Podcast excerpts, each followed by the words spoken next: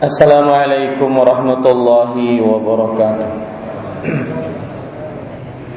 Bismillahirrahmanirrahim Innal alhamdulillah. nahmaduhu wa nasta'inuhu wa nastaghfiruh wa na'udzu billahi min shururi anfusina wa sayyiati a'malina man yahdihillahu fala mudilla ومن يضلل فلا هادي له وأشهد أن لا إله إلا الله وحده لا شريك له وأشهد أن محمدا عبده ورسوله. يا أيها الذين آمنوا اتقوا الله حق تقاته ولا تموتن إلا وأنتم مسلمون. يا أيها الناس اتقوا ربكم الذي خلقكم من نفس واحدة وخلق منها زوجها فبث منهما رجالا كثيرا ونساء واتقوا الله الذي تساءلون به والأرحام إن الله كان عليكم رقيبا يا أيها الذين آمنوا اتقوا الله وقولوا قولا سديدا يصلح لكم أعمالكم ويغفر لكم ذنوبكم ومن يطع الله ورسوله فقد فاز فوزا عظيما أما بعد فإن أصدق الحديث كتاب الله وأحسن الهدي هدي محمد صلى الله عليه وعلى آله وسلم. وشر الأمور محدثاتها وكل محدثة بدعة وكل بدعة ضلالة وكل ضلالة في النار. Alhamdulillah kita bersyukur pada Allah Subhanahu wa taala pada hari ini 8 Al-Muharram 1438 Hijriah hari Ahad malam Senin kita kembali duduk bersama di dalam kajian rutin setiap Ahad malam Senin pekan pertama untuk membahas tentang fikhul usrah al-muslimah yaitu keluarga muslim yang sakinah. Salawat dan salam semoga selalu Allah berikan kepada Nabi kita Muhammad sallallahu alaihi wa ala alihi wasallam pada keluarga beliau, para sahabat serta orang-orang yang mengikuti beliau sampai hari kiamat kelak.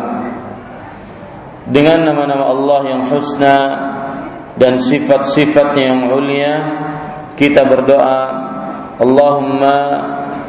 Nas'aluka ilman nafi'an wa rizqan tayyiban wa amalan mutaqabbala. Wahai Allah, sesungguhnya kami mohon kepada Engkau ilmu yang bermanfaat, rezeki yang baik, dan amal yang diterima amin ya rabbal alamin Bapak Ibu saudara-saudari yang dimuliakan oleh Allah Subhanahu wa taala ini adalah pertemuan yang keempat yang membahas tentang al-hulul asy-syar'iyyah lil masyakil zaujiyah solusi problematika rumah tangga. Sebelum kita masuk kepada pembacaan-pembacaan fatwa yang merupakan solusi dari problematika rumah tangga, maka saya ingin mengingatkan satu hal bahwasanya sebab terjadinya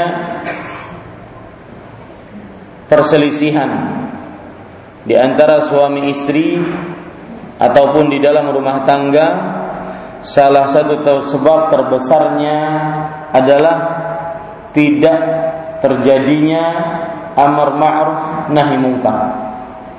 Di tengah-tengah keluarga. Tidak terjadinya amar ma'ruf nahi mungkar.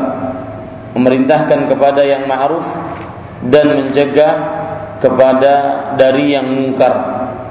Padahal di dalam agama Islam sudah benar-benar ditegaskan tentang mencegah akan hal yang mungkar.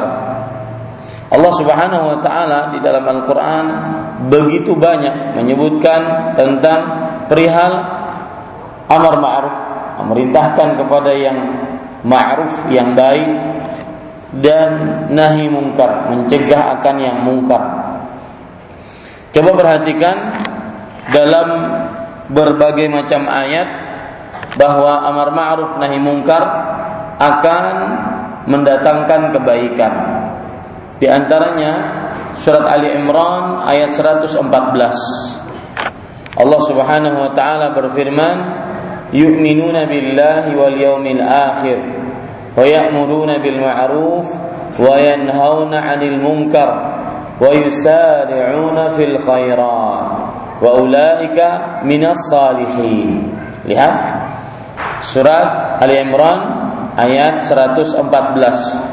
Allah Subhanahu wa taala berfirman, mereka beriman kepada Allah Subhanahu wa taala dan kepada hari akhir.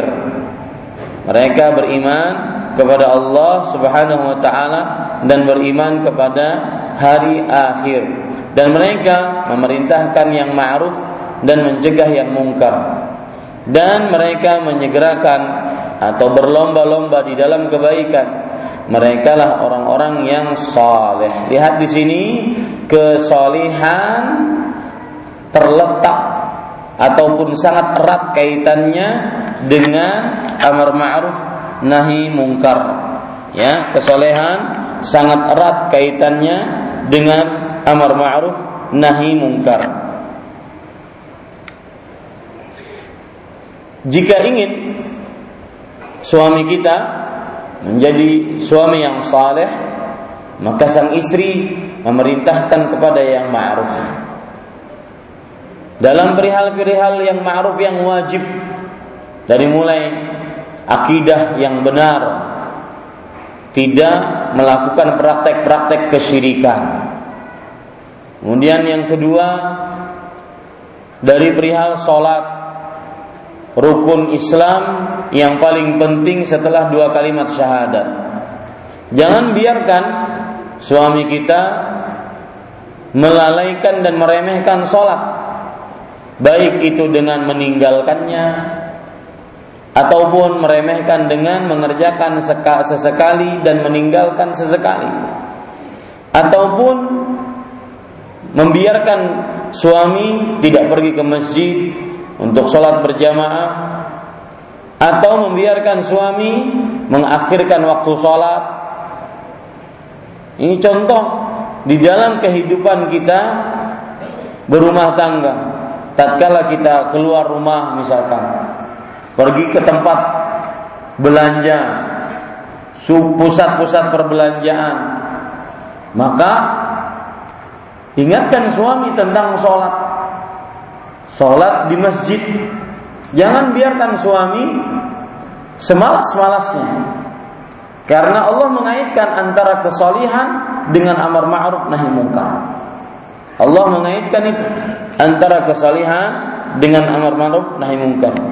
Itu ayat yang pertama yang menunjukkan bahwa amar ma'ruf adalah merupakan uh, porsi penting di dalam kehidupan berumah tangga. Nahi mungkar juga begitu. Merupakan porsi penting di dalam berumah tangga.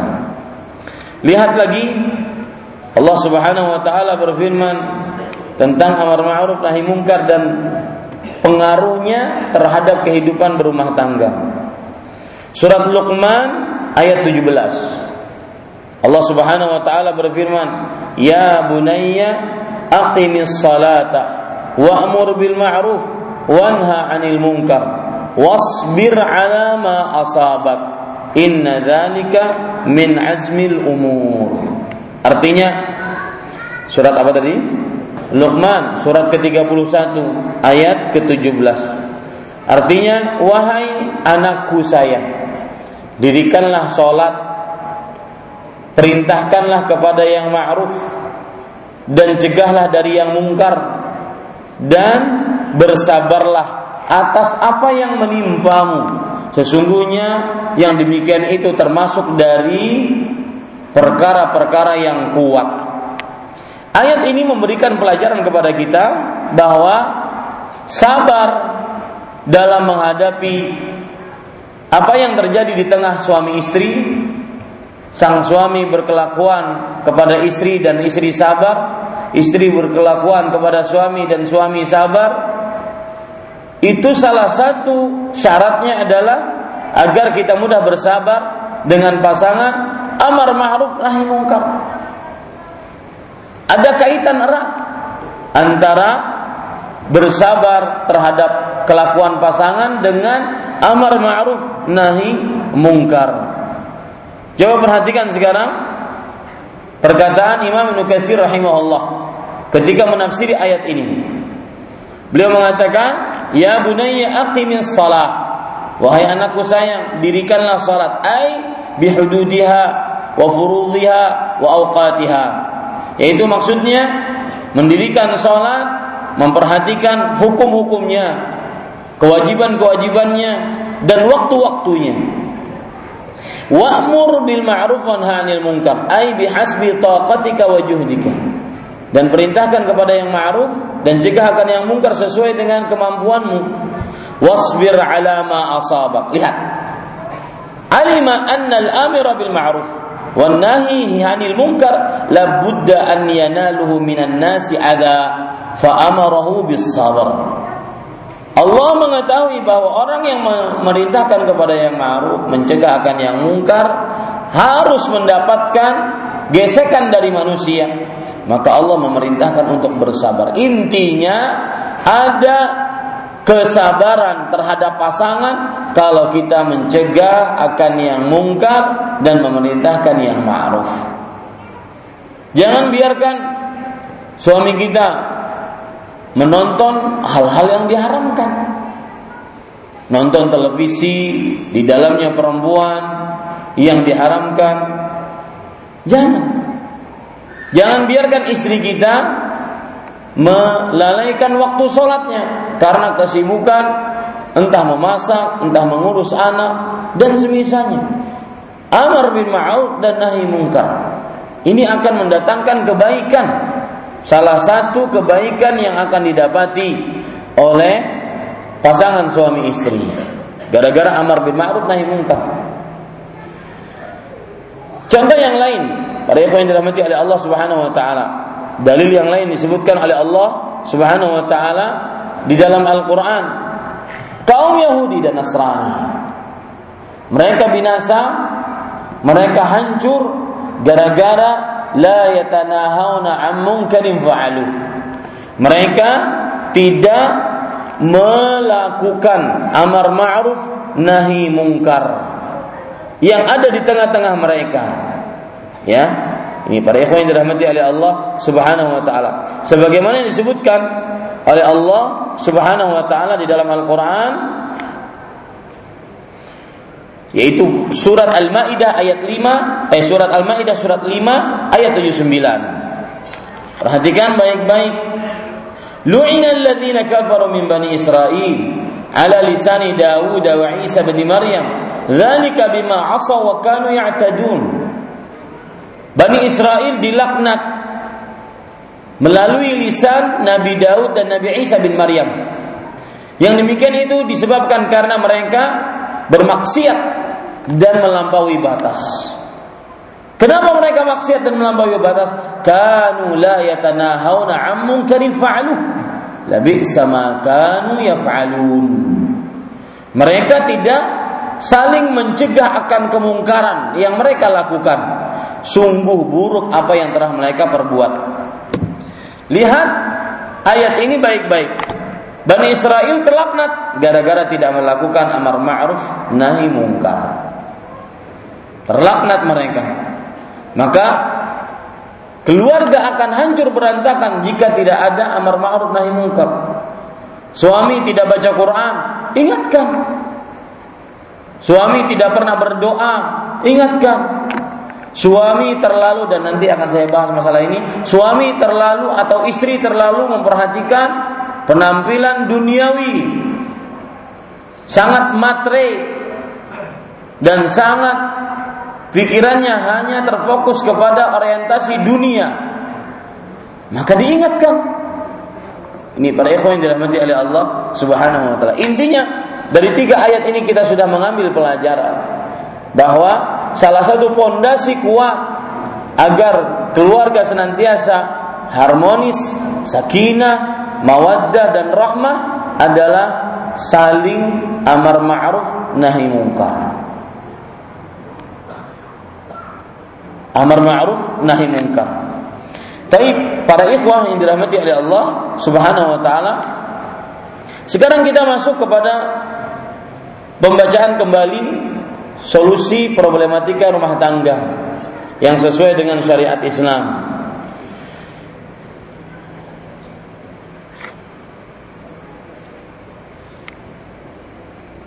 Permasalahan yang ke-15 pada pertemuan sebelumnya, masalah berapa? Hah? Ke-10. Hah?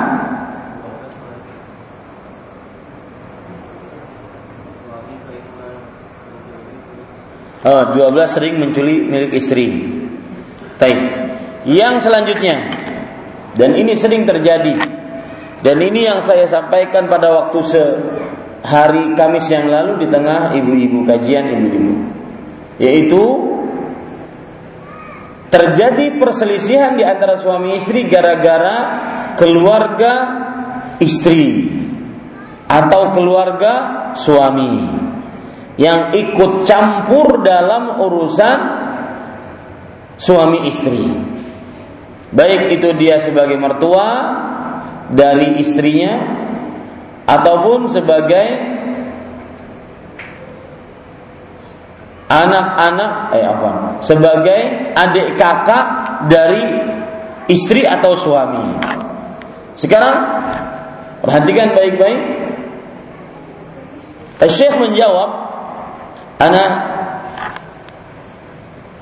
saya bacakan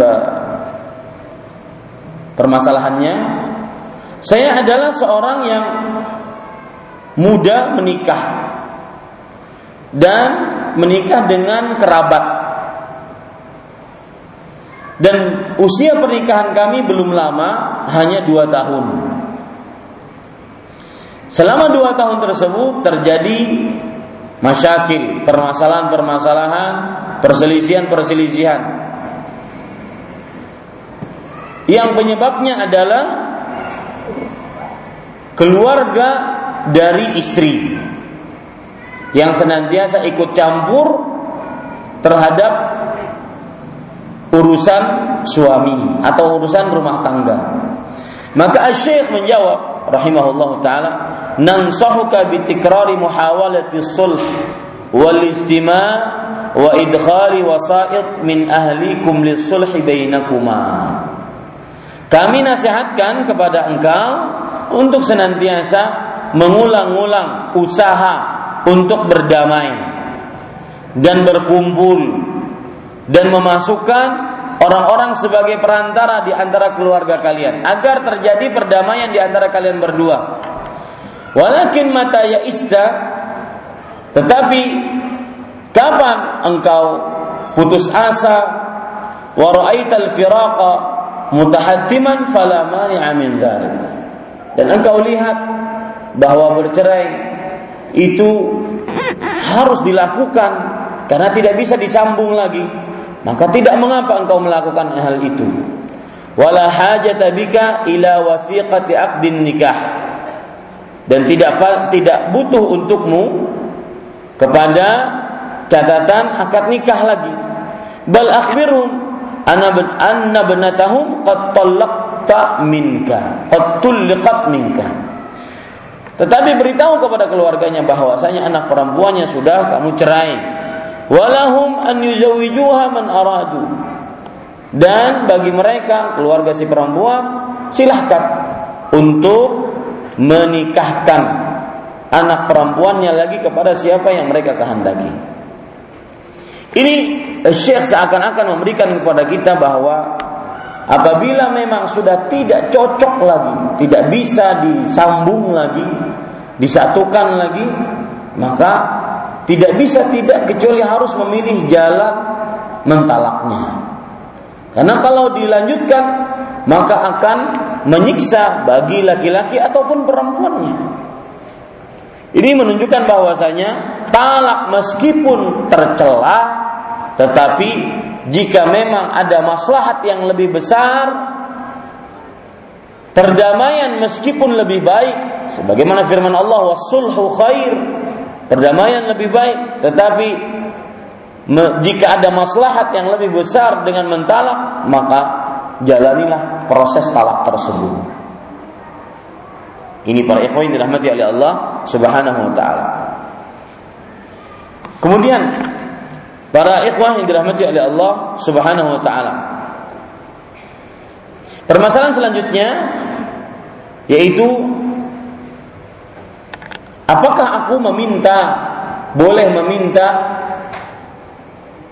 kepada suamiku untuk berumah sendiri. Tidak mesti harus ngumpul dengan keluarganya. Ini juga sering terjadi permasalahan akibat ini. Maka Syekh menjawab, "Fi hadhihi al-halah in kana hunaka tahjubun tahajjubun kamilun wa adamu khulwatin fal istima' aula iltimasan liridha ummuz zawjain." Artinya di dalam keadaan seperti ini, jika ada sebuah ruangan yang benar-benar tertutup dan tidak terjadi percampuran, maka berkumpulnya keluarga lebih diutamakan untuk mencari ridha uh, ibu mertua. Karena suami mungkin ingin mencari ridho ibunya dengan cara dia membawa ibunya ke rumahnya atau dia tinggal di rumah ibunya. Fa illam yakun kadzalik faliftiraqu aula.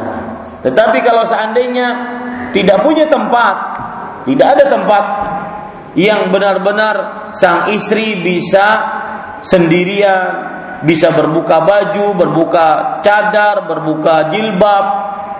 Ya, tidak ada tempat seperti itu, Keluar kamar saja dia harus pakai jilbab, pakai kaos kaki karena kaki adalah aurat. Maka ini sangat menyulitkan istri kita. Maka pada saat itu berpisah dengan keluarga lebih utama. Kama law kanat ihda zawjataini tatasahlu fatatakashafu amama akhi zawjiha. Ya, yang ini nantinya menyebabkan sang istri kita bermudah-mudah untuk membuka kepalanya, jilbabnya ataupun wajahnya kalau dia pakai cadar di hadapan suami eh di hadapan saudara suaminya. Padahal Rasul sallallahu alaihi wasallam bersabda, "Iyyakum wadkhul 'ala nisa." Jauhi kalian memasuki tempat-tempat khusus wanita. Maka para sahabat bertanya, "Afara'aital ham?" Wahai Rasulullah, Bagaimana yang masuk itu kalau seandainya yang masuk itu adalah kerabatnya suami?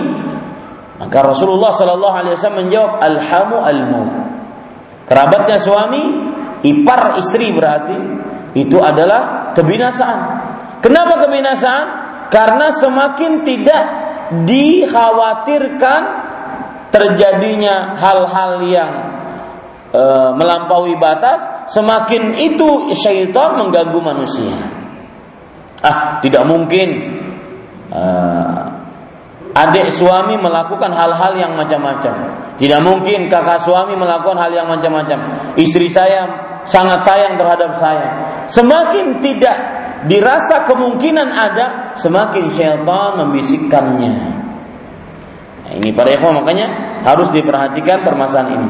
Kemudian beliau mengatakan au yakhlu biha fil baiti wahdahuma au ahadu zaujain ghaira ma'munin ala zaujati akhi bihaitsu yutabi'uha atau sebab yang menyebabkan kita harus berpisah adalah nanti sang istri berdua-duaan di rumah dengan ipar. Ini susah Ya, susah sekali. Atau salah satu dari kedua, dari pasangan tersebut tidak bisa memegang amanah terhadap istri saudaranya. Yang mana istri saudaranya tersebut eh, akhirnya suaminya selalu direpotkan dengan mengintai istrinya ataupun mengawasi istrinya. Dia akhirnya tidak tenang di luar rumah. Nah, ini menyebabkan lebih baik dia berpisah. Aw yastaghilla ghaflata ghaflataha wa yadkhulu bila isti'dzan atau ipar nanti menggunakan kesempatan kelalaian istri kita, istri suami, ya, akhirnya masuk ke tempat istri suami tanpa izin. Ini adalah masyakil, masyakil, permasalahan-permasalahan yang ditimbulkan gara-gara serumah dengan keluarga suami atau keluarga istri. Maka lebih baik seseorang berusaha untuk berumah tersendiri dan mendekati rumah yang di situ ada ibunya sehingga dia tetap bisa berbakti kepada ibu atau bapaknya. Kemudian, pada ikhwah, masalah yang selanjutnya.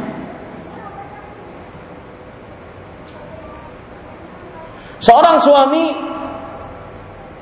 mengisolasi istrinya atau memboikot istrinya karena sang istri memakai minyak rambut yang tidak disukai oleh suami. Ini adalah salah satu permasalahan rumah tangga yang sering terjadi. Sang suami atau sang istri tidak memperhatikan kesenangan pasangannya. Terutama dalam perihal memakai perhiasan wewangian. Sang suami seenaknya saja memakai wewangian, padahal baunya sangat sangat mencolok, misalkan. Tidak disukai oleh sang istri. Maka di sini pertanyaan, bolehkah menjauhi atau sang suami menjauhi istrinya disebabkan minyak rambut sang istri? Maka Syekh menjawab, yalzamul mar'ah an tuti'a zawjaha fi ma lahu fihi maslahah wala madarrah. Artinya seorang istri wajib untuk mentaati suaminya di dalam perihal yang di dalamnya terdapat maslahat kepentingan dan tidak ada bahaya terhadap istri tersebut. Kama yalzamuha an tatajammala li zawjiha bima yusabbibul uns wal mawaddah baina zaujain. Sebagaimana seorang istri wajib untuk berdandan di hadapan suaminya dengan dandanan yang menyebabkan rasa cinta, rasa rindu di antara suami istri. Wa antuzila ma anha min raihatin karihah dan hendaknya sang sua, sang istri menjauhkan sesuatu yang sang suami tidak menyukainya, baik dari bau yang tidak mengenakan ataupun pakaian yang dianggap suami di sang istri tidak cocok memakainya. Kama yahrumu alaihi hajru firashi zawjiha wal imtina min tamkinihi min nafsiha mata arada. Idza lam yakun hunaka Sebagaimana tidak boleh bagi sang suami untuk menjauhi ranjang istrinya. Dan tidak boleh bagi sang suami untuk Afan, saya terbalik. Dan tidak boleh bagi sang istri untuk menjauhi ranjang suaminya dan menolak ajakan sang suami. Kapan sang suami menginginkannya? Kemudian Syekh menyebutkan, "Waqad waradal wa'idu syadid lil mar'ati allati yad'uha zawjuha ila firashi fata'ba 'alaihi fayabitu huwa sakhitun 'alaiha."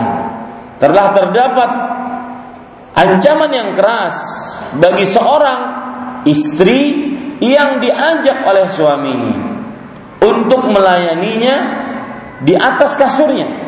Tapi sang istri tersebut enggan. Akhirnya malam itu sang suami dalam keadaan marah. Maka ini mendapatkan siksa yang pedih, yaitu dilaknat atau diancam dengan siksa yang pedih, dilaknat oleh para malaikat. Dilaknat oleh para malaikat. Fal wajib ala kulli min az-zawjain as-sa'yu fi jalbil khair wal mawaddah al-matluba min kullin min kullin minhuma li sahibi. Maka wajib bagi seorang suami istri berusaha untuk mendatangkan kebaikan, rasa cinta dan sesuatu yang diminta dari setiap orang pasangan. Sang suami sukanya begini, maka sang istri memperhatikan kesukaan suami. Sang istri sukanya di, di seperti ini kan, sang suami memperhatikan kesukaan sang istri. Lihat Abdullah bin Abbas radhiyallahu anhu beliau menafsiri ayat yang berbunyi walahunna mithlul ladzi alaihinna bil ma'ruf. Istri-istri mempunyai hak sebagaimana mereka mempunyai kewajiban. Kata Abdullah bin Abbas radhiyallahu anhu bahwa wallahi inni la uhibbu an atazayyana lil mar'ah kama uhibbu an tatazayyana li al mar'ah. Demi Allah aku sangat suka aku berdandan berpenampilan yang baik di hadapan istriku. Sebagaimana aku juga menyukai istriku berpenampilan yang baik di hadapan aku. Ini menunjukkan bahwasanya setiap pasangan memperhatikan apa yang disukai oleh pasangannya. Dan itu termasuk daripada hal yang mendatangkan sakinah, mawaddah dan rahmah. Kemudian permasalahan selanjutnya, suamiku terlalu banyak berbicara dengan pembantu. Dia suka terhadap pembantunya mungkin. Maka sang istri uh, cemburu. Nah, perhatikan saya ingin mengungkap masalah cemburu dulu. Para ikhwan yang dirahmati oleh Allah Subhanahu wa taala, kecemburuan adalah termasuk daripada keimanan. Suatu ketika Sa'ad ibn Ubadah radhiyallahu anhu berkata, beliau ini seorang yang sangat pecemburu.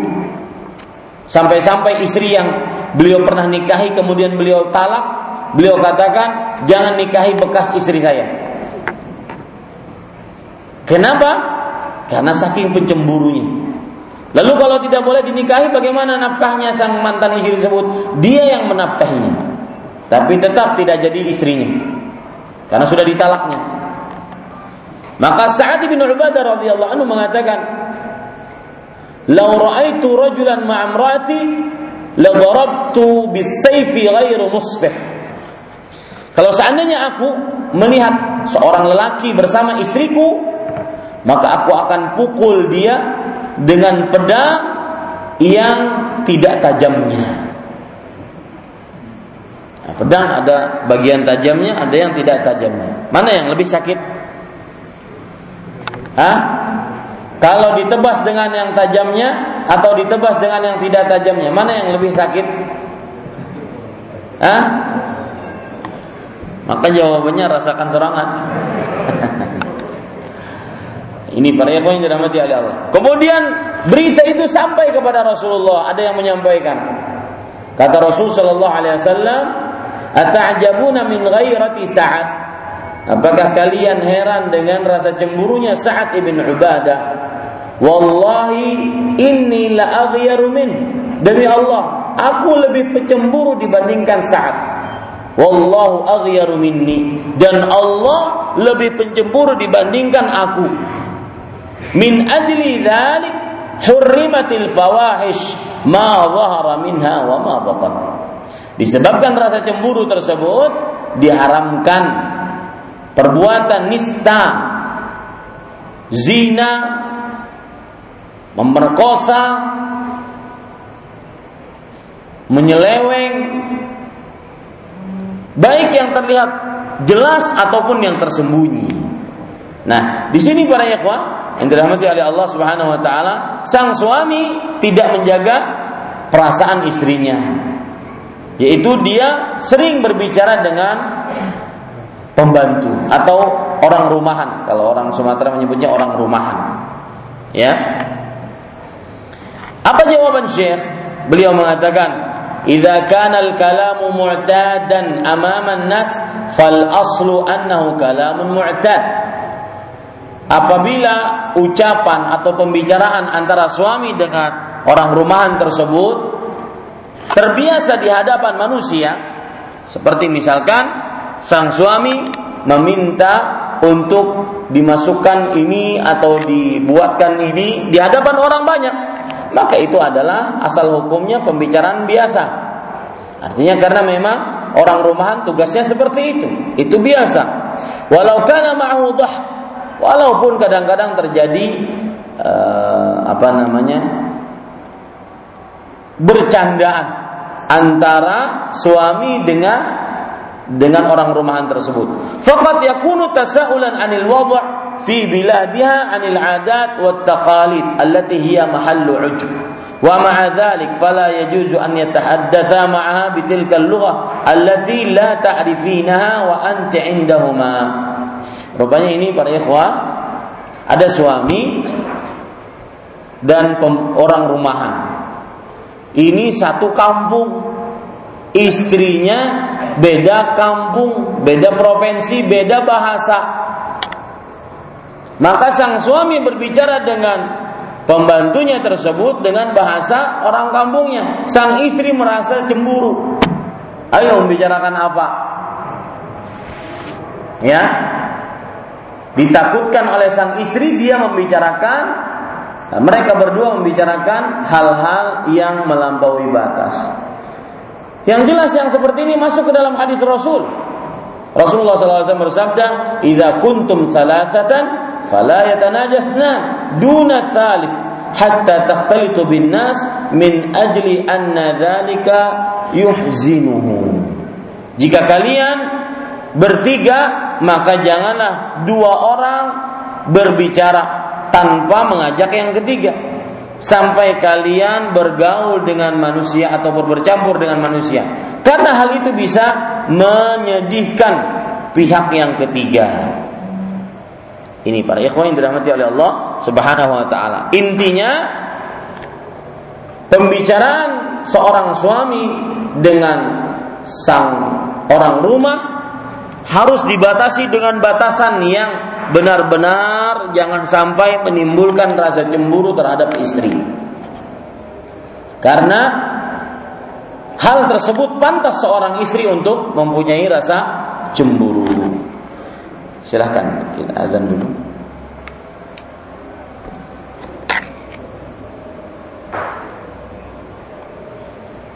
Allahu Allahu Allah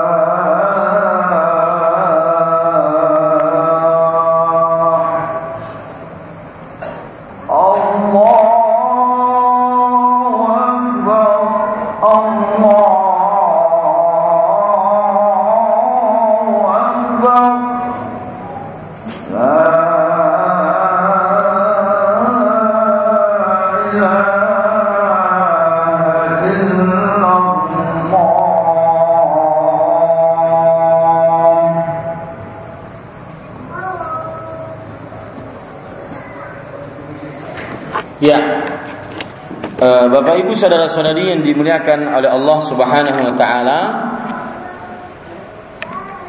pada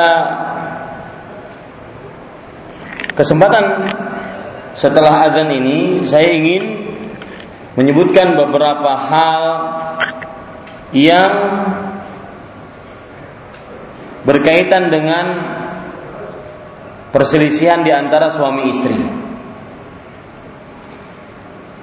Perselisihan yang disebabkan oleh sang suami. Ada beberapa sebab, perhatikan wahai para suami.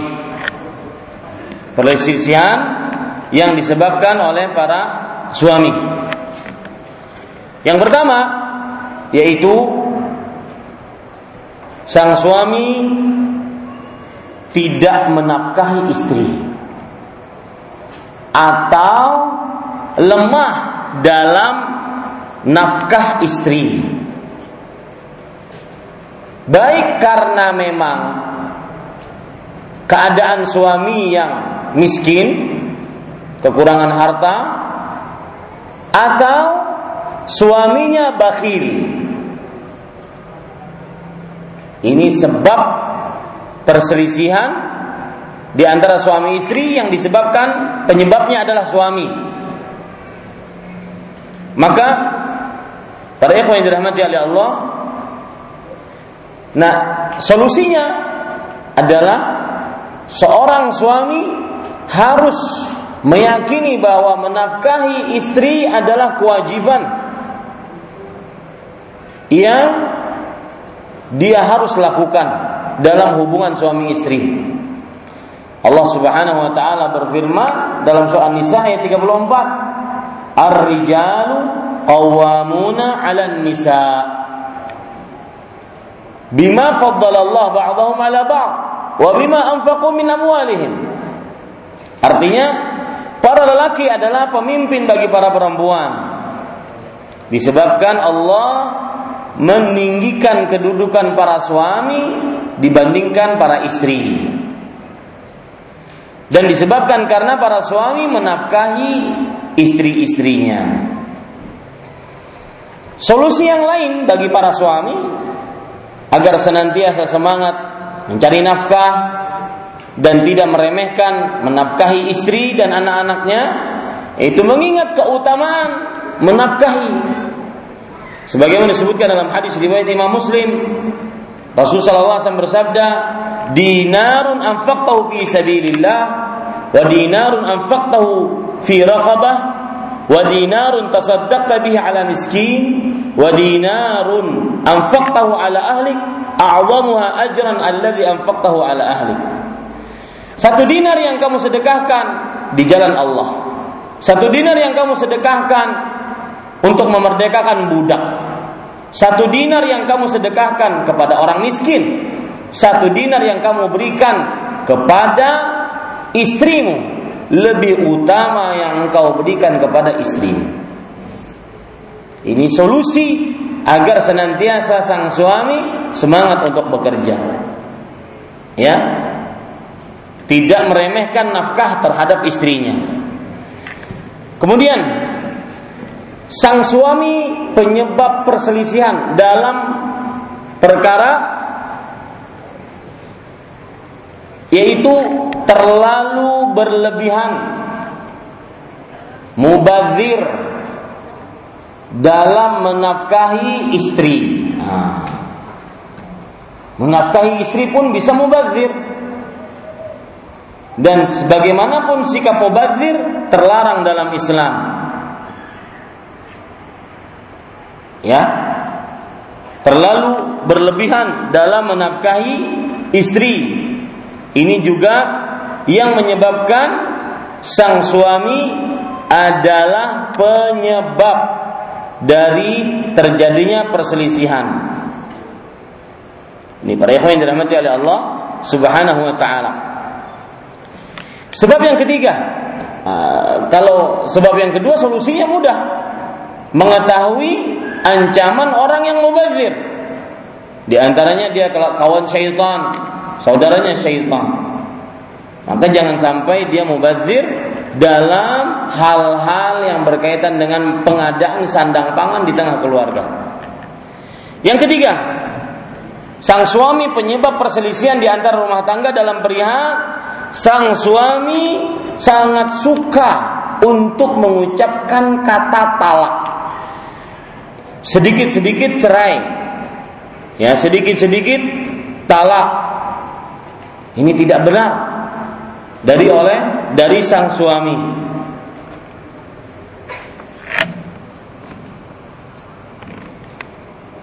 Dan solusinya adalah karena kita kan mau bicara solusi. Kalau sang suami berbicara sedikit-sedikit talak, maka dia harus mengingat bahaya terjadinya talak. Akan hancur keluarga, anak-anak tidak terurus, terjadinya perzinahan. Ini bahaya talak. Kemudian para ikhwan yang dirahmati oleh Allah Subhanahu wa taala, agar sang suami solusi tidak mudah mengucapkan kata talak, maka harus dikenalkan hadis Rasul bahwa talak itu kalau seandainya bercanda tetap jatuh, apalagi beneran. Rasulullah sallallahu alaihi wasallam bersabda, "Salasun jidduhunna jid wa hazluhunna jid."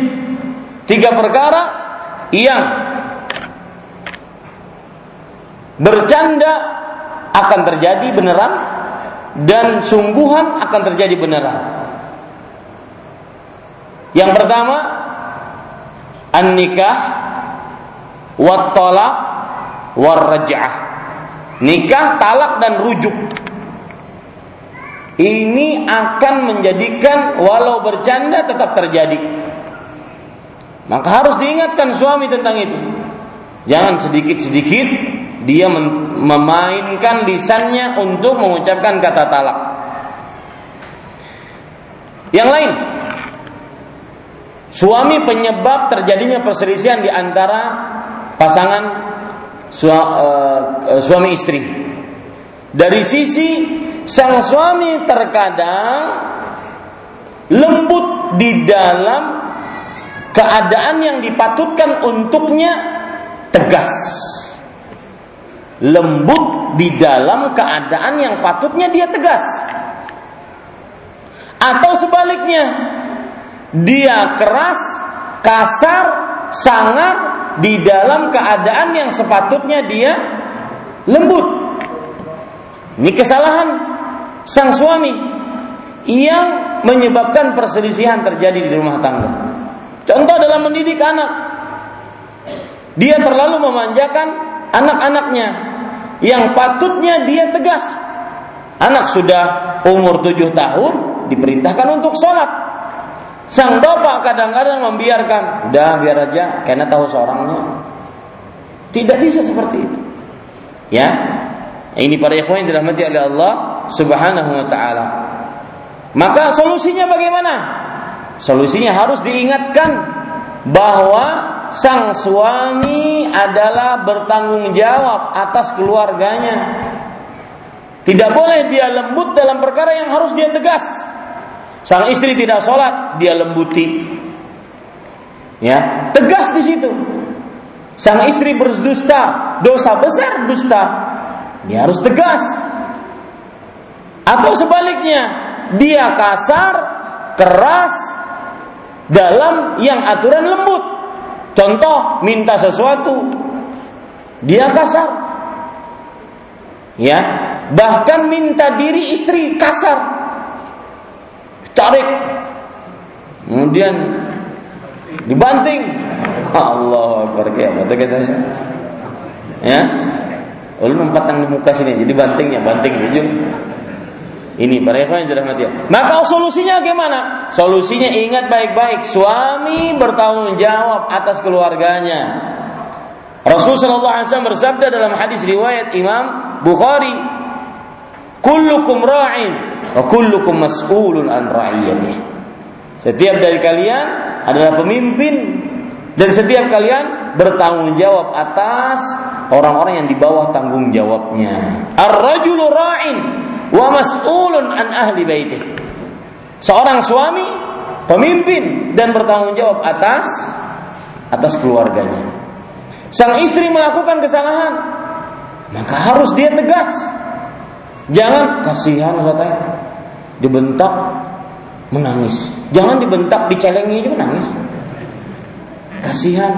Enggak, dia salah. Harus diingatkan tegas. Ini para ikhwan yang dirahmati oleh Allah Subhanahu wa taala. Selanjutnya, kesa uh, suami penyebab perselisihan yang terjadi di antara suami istri adalah Nah, ini perhatikan oleh para suami. Ini sudah saya sebutkan tadi di dalam pembacaan fatwa. Yaitu suami meremehkan kebersihan diri dan badan.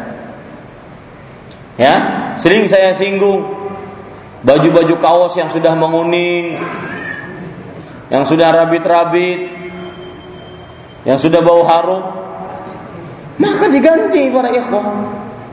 Jangan dibiarkan Kasihan orang yang tidur bersama kita, di samping kita. Karena tidak ada kasur lagi, dia mau tidur di samping kita. Coba ada kasur lagi. Ini para ikhwan yang dirahmati oleh Allah Subhanahu wa taala. Dan sudah saya sebutkan tadi dalilnya. Abdullah bin Abbas meriwayatkan, "Sungguh aku sangat mencintai aku berdandan di hadapan istriku sebagaimana aku menyukai dia berdandan di hadapanku." Beliau ketika menafsiri sebuah ayat itu, walahunna mithlu alladhi alaihi nabil ma'ruf. Dan bagi perempuan memiliki hak sebagaimana mereka mempunyai kewajiban. Salah satu hak istri Anda adalah Anda berdandan di hadapannya. Contoh misalkan sesengot tuh terlalu panjang melebihi bibir apa nyamannya mohon maaf kalau sedang ciuman? Ya. Ini para ikhwan dirahmati oleh Allah Subhanahu wa taala. Mungkin istri kita kalau seandainya dia diperbolehkan berontak, dia akan berontak. Tapi karena tidak diperbolehkan berontak dan beisinya cuma itu-itunya aja, sudah itu nang dipaksa. Maka hati-hati Perhatikan penampilan. Ya. Kemudian selanjutnya. Nah ini terjadi juga ini. Dan alhamdulillah setelah mengenal sunnah banyak yang sudah berubah. Yaitu suami penyebab perselisihan antara suami istri adalah karena terlalu temperamental, suka marah-marah. Sedikit-sedikit menyangit, sedikit-sedikit banting pintu, Masin sedikit makanan banting pintu, mungkar di luar rumah. Ya, ini para ikhwan yang dirahmati oleh Allah Subhanahu wa taala. Maka solusinya bagaimana? Ingat bahwa wasiat Rasulullah diharamkan atau dilarang untuk marah. La taghdab dan beliau ulangi itu tiga kali.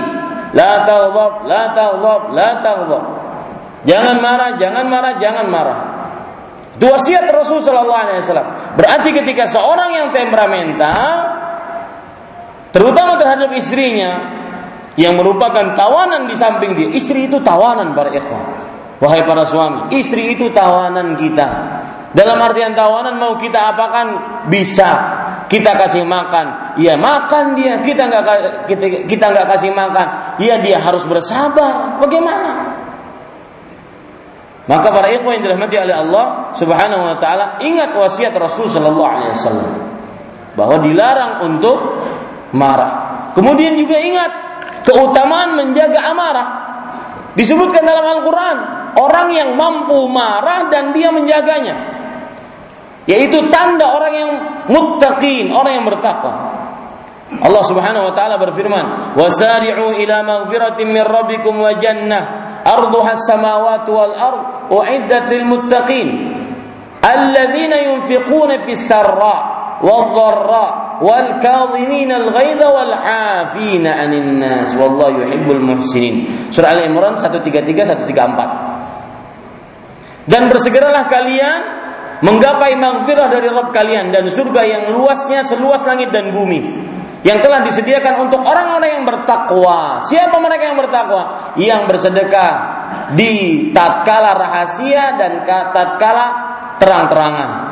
dan orang-orang yang kawiminal ghaid, menahan marahnya.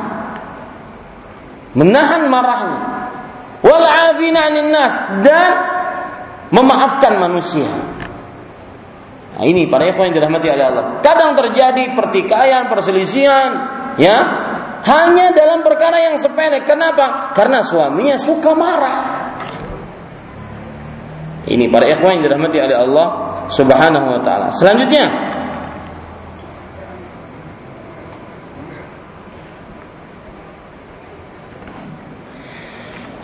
termasuk suami penyebab perselisihan di antara uh, suami istri dari sisi adalah suami hanya ingin minta dilayani tanpa memperhatikan kesehatan dan kekuatan dan keadaan istri.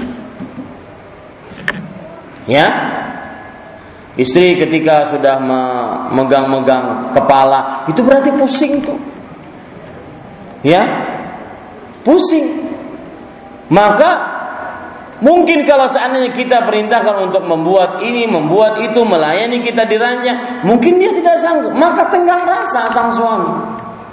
Terjadi perselisihan di antara suami istri gara-gara suami akibat tidak memperhatikan masalah ini. Bukankah saya pernah bercerita? Pernah seorang perempuan curhat, Ustadz bagaimana hukumnya menghadapi suami yang hiperseks? Saya habis bekerja, ikut ke sawah, kaki masih kotor dengan tanah liat, tangan masih kotor, kebelet pipis, tapi sang suami minta dilayani. Kata sang suami, haram ke kamar mandi. Kalau kamar mandi belum sebelum melaksanakan melayani saya, talak, cerai. Ini gimana ini? Ya. Dan apa? Apa nikmatnya? Membawa istri melakukan hubungan badan dalam keadaan istri belum siap. Ini para ikhwan yang dirahmati oleh Allah. Ini terjadi perselisihan nantinya di antara rumah tangga. Maka para ikhwan yang dirahmati oleh Allah Subhanahu wa taala seorang solusinya adalah seorang suami harus tenggang rasa dalam keadaan istrinya. Bukankah Allah berfirman, "Fattaqullaha mastata'tum." Bertakwalah kepada Allah sesuai dengan kemampuan kalian. Itu Allah kepada hambanya. Nah semestinya hamba kepada atau eh, sesama makhluk juga seperti itu. Bahkan lebih lagi. Allah yang maha pengatur, maha pencipta saja mengatakan bertakwalah sesuai dengan kemampuan. Mungkin sang istri pada saat itu lagi letih, capek, sakit. Ya, maka sang suami harus tenggang rasa. Yang selanjutnya, ini juga sering terjadi nih. Penyebabnya suami. Suami penyebab perselisihan di antara rumah di antara suami istri yaitu karena suami sering keluar rumah tanpa sebab. Sukanya nongkrong di warung kopi, warung ronde. Sampai jam 10, jam 11, jam 12 bulik. Ada orang curhat, seorang perempuan curhat. Saya punya suami kok bosan Kenapa Bu? Ada apa?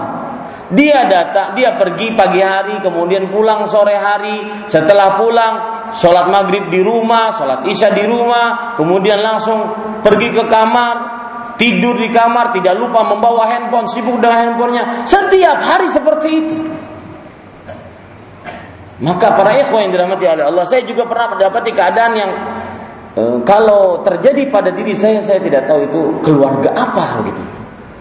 Sang istri karena bekerja di luar rumah juga sebagai pegawai, sang suami juga pakai sebagai pegawai. Sang istri lebih lebih pagi pul, perginya ke kantor dibandingkan suaminya. Pulangnya lebih lama dibandingkan suaminya. Ini keluarga jenis apa? Jenis jin. Ya, ini para ikhwan yang dirahmati oleh Allah Subhanahu wa taala. Maka termasuk kekeliruan adalah sang suami sering keluar rumah tanpa sebab, malas ngobrol dengan istrinya. Ini para ikhwan yang dirahmati oleh Allah Subhanahu wa taala. Kemudian termasuk hal mau banyaknya Ustaz. Penyebabnya ada berapa tuh? Hah? Sembilan. Ke sepuluh. Tambah lagi. Ya. Ya sepuluh saja ya. Perhatikan baik-baik ah, bukan sebelas lah. Ya. sekarang sudah sembilan. Sekarang sembilan. Baik ya ke sembilan. Sampai sepuluh berarti. Buruknya akhlak sang suami di hadapan istri atau di hadapan keluarga istri. Ini penyebab terjadinya perselisihan, pertikaian, tidak baik kepada mertua, ibunya istri.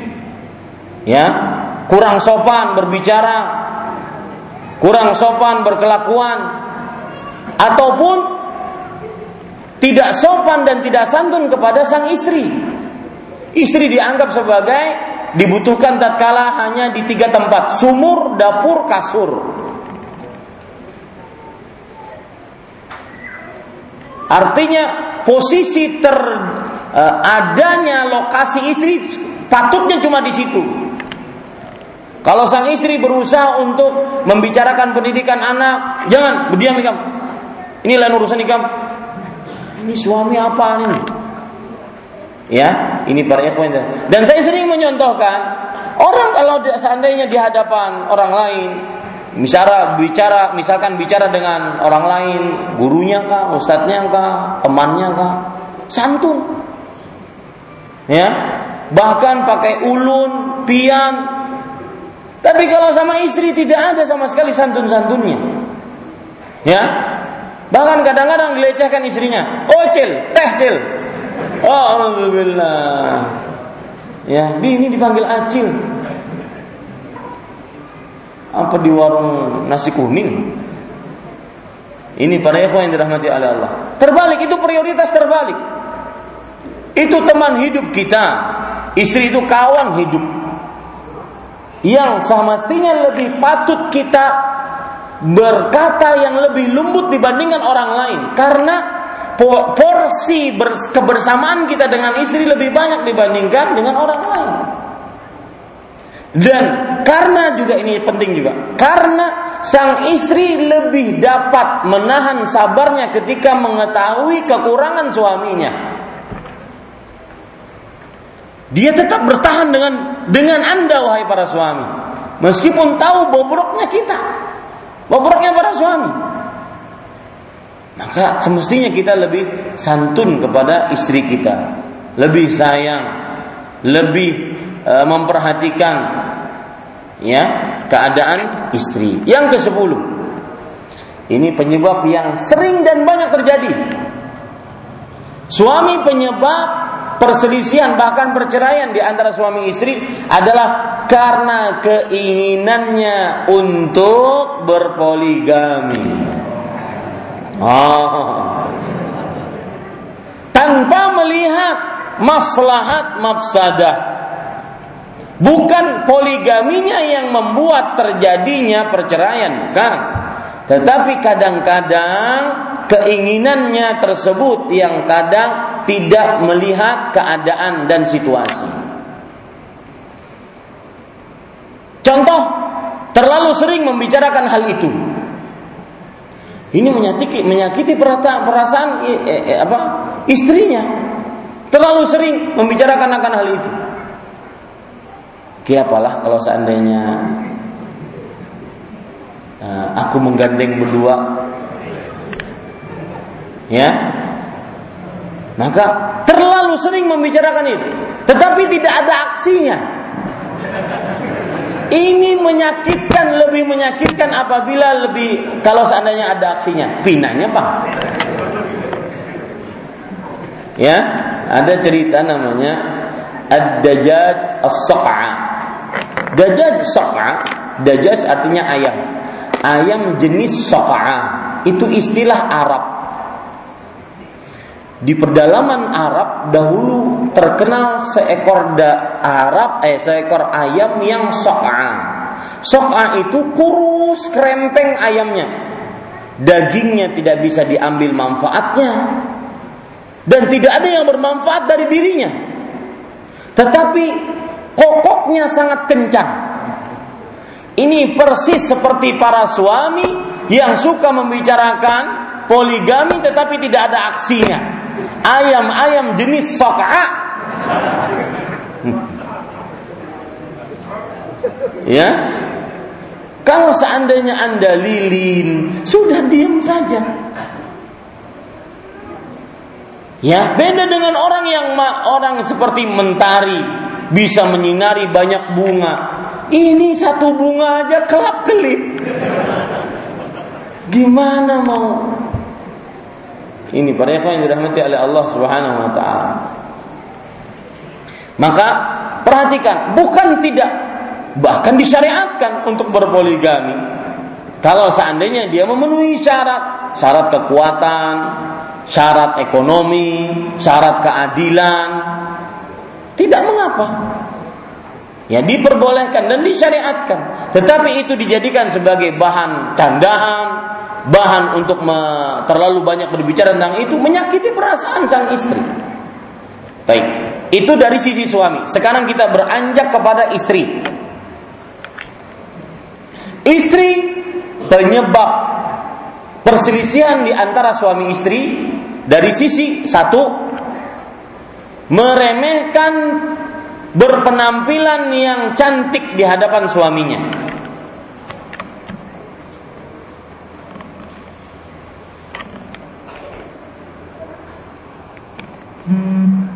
Rasulullah Sallallahu Alaihi Wasallam pernah bersabda dalam hadis riwayat Imam Ahmad ketika ditanya ayun nasi khair ayun nisa'i khair.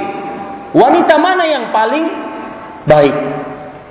Maka Rasul sallallahu alaihi wasallam menjawab, khairun nisa sebaik-baik istri adalah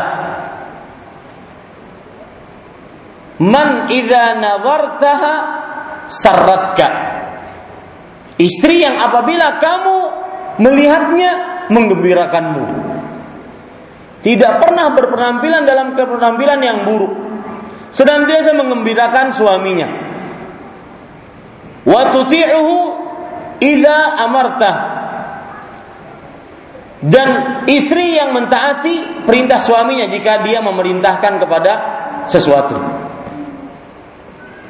Wa tahfazu fi maliha wa nafsihi. Fi malihi wa nafsiha. Dan istri yang menjaga dirinya dan harta suaminya. Ini termasuk tanda istri-istri yang terbaik menurut syariat Islam. Yang menjadi inti pembicaraan di sini adalah yang menggembirakan suami jika dilihat oleh suaminya. Maka perhatikan wahai ibu-ibu saudari-saudari muslimah, penampilan Anda di hadapan suami Anda. Jangan sampai membosankan gaya rambut itu itu aja belah tengah belah tengah ya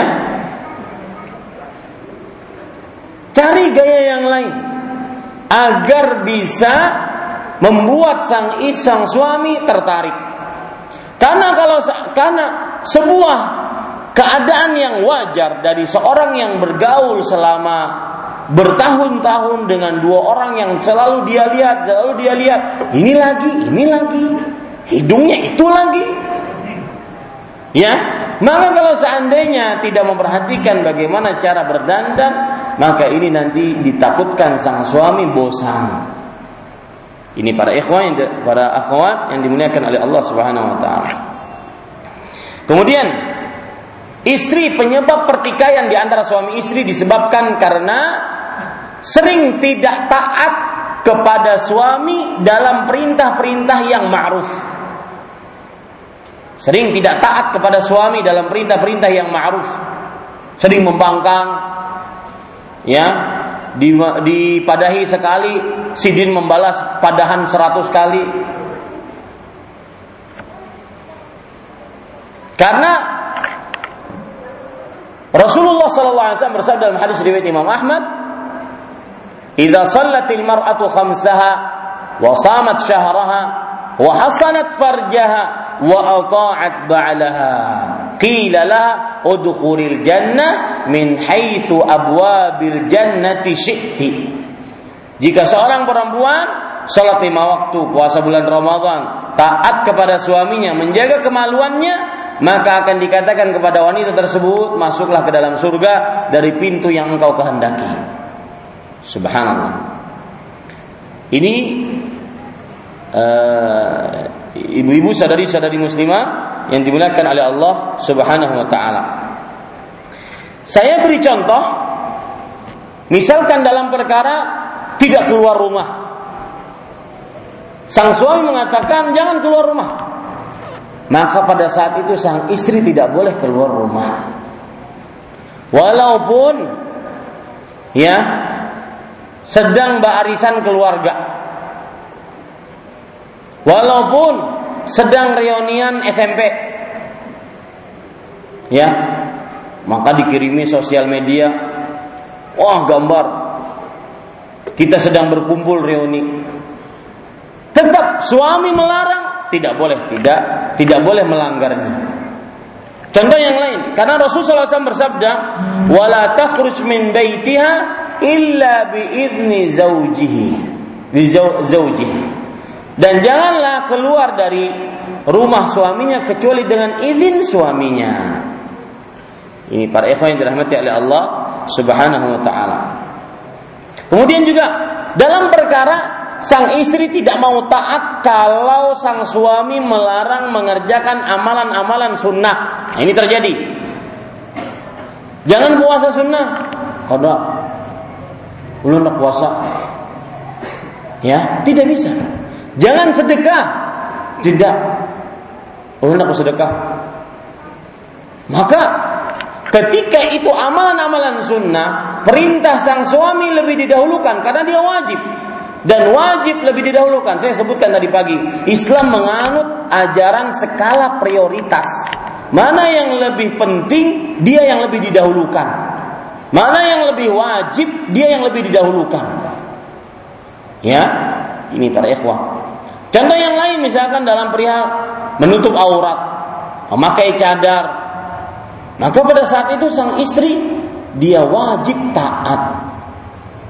Salah satu penyebab istri adalah penyebab pertikaian, perselisihan di antara suami istri tidak taat kepada suami. Yang ketiga,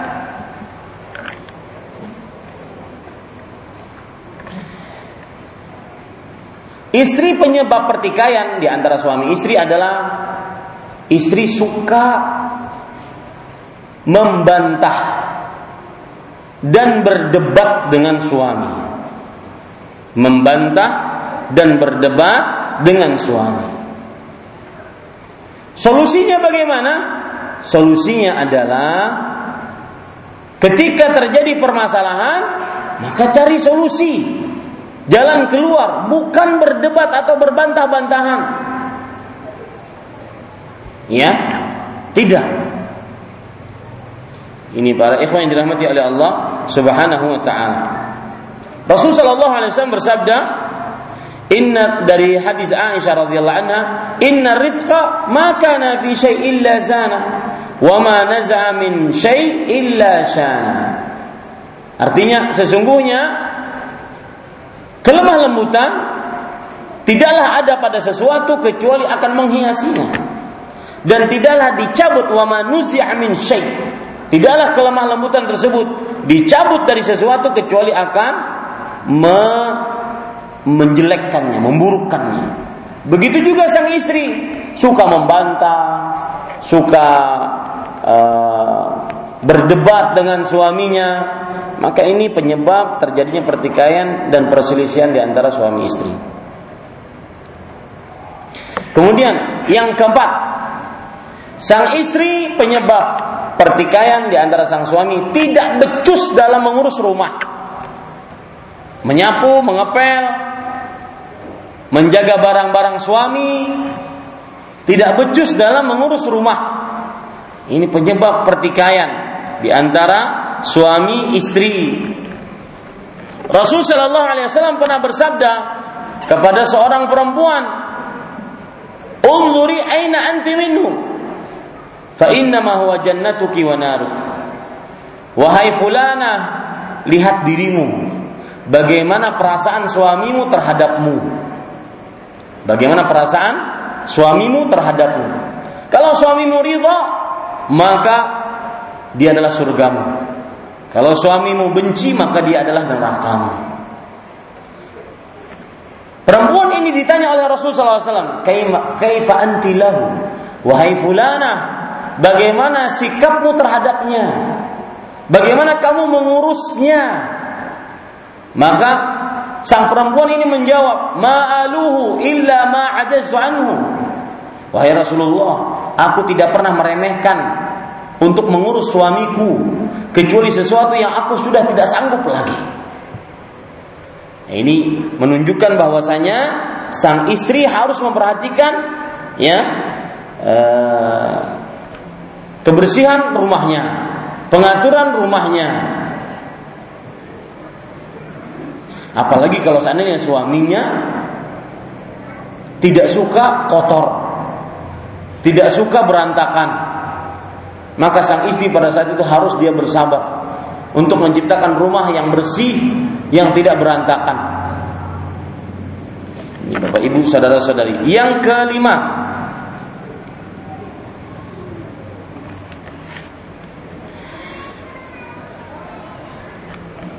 termasuk istri penyebab pertikaian di antara suami istri adalah dari sisi sering menjadi penyebab kemarahan suami. Sering menjadi penyebab kemarahan suami. Dan di antara yang menyebabkan suami marah adalah terlalu banyak oceh, omeh, rempong. Hah? Terlalu banyak borek. Terlalu banyak ngomong. Ini yang menyebabkan sang suami menjadi kesal, marah terhadap istrinya.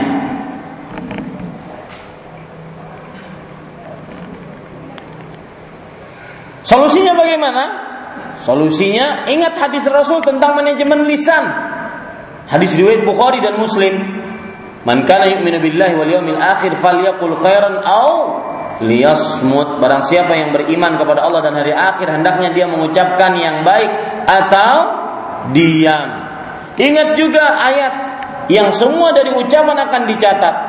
Sebagaimana disebutkan dalam surat Qaf ayat 18. Ma yalfidhu min qaul illa ladaihi raqibun atid. Tidak ada ucapan yang terucap kecuali ada malaikat yang mengintai dan mengawasi. Yang keenam, termasuk istri penyebab pertikaian di antara suami istri adalah terlalu banyak membawa kawan-kawan perempuannya ke rumah yang membuat gaduh rumah. Ya, sering dan banyak membawa kawan-kawan perempuannya ke rumah. Padahal sang suami ingin dia bersantai di rumahnya, bersendagurau dengan istrinya, kemudian beramah tamah dengan anak-anak dan istrinya dan semisalnya. Kalau terlalu sering datang tamu perempuan, datang tamu perempuan, datang tamu perempuan, maka sang suami yang hanya dia bisa lakukan di kamar, di kamar, tidak bisa keluar karena tamunya perempuan. Ini para ikhwan yang dirahmati oleh Allah Subhanahu wa taala. Rasulullah SAW bersabda dalam hadis riwayat Muslim, "Wala ta'zan fi baitihi illa biidnih." Nah, ini solusinya. Jangan dia membiarkan seseorang masuk ke dalam rumah suaminya kecuali dengan izin suaminya. Maka tatkala ingin mengajak kawan-kawan perempuannya ke rumahnya, maka izin dengan suaminya. Jangan-jangan suaminya sedang tidak ingin ada tamu-tamu dari kawan-kawan istrinya datang ke rumahnya. Kemudian yang ketujuh, istri penyebab Pertikaian di antara suami istri adalah sang istri minta cerai tanpa sebab. Sang istri minta cerai tanpa sebab. Dan wallahu alam Pak. Termasuk permintaan cerai yang dianggap tanpa sebab adalah permintaan karena kekurangan harta suami. Tetap suami memberikan nafkah, tapi mungkin tidak sebanyak orang yang luas rezekinya. Maka istri tidak pantas dan tidak termasuk uh, apa termasuk orang yang minta cerai tanpa sebab. Kalau seandainya dia menggugat suaminya untuk menceraikannya gara-gara kemiskinan suaminya. Selama suami masih bisa memberikan nafkah, bekerja dan memberikan nafkah walaupun sedikit, walaupun secukupnya, maka apabila sang istri minta cerai, maka itu berarti minta cerai tanpa sebab. Rasul Shallallahu Alaihi Wasallam bersabda dalam hadis yang diriwayatkan oleh Imam Muslim, Imam Tirmidzi, "Ayyu mamra'atin sa'alat zawjaha talaqa min ghairi ba'sin fa haramun 'alaihi ra 'alaiha raihatul jannah." Perempuan mana saja yang minta kepada suaminya talak tanpa sebab maka haram bagi perempuan tersebut mencium bau surga. Padahal bau surga bisa dicium dari jarak yang sangat jauh. Artinya dia sangat jauh dari surga.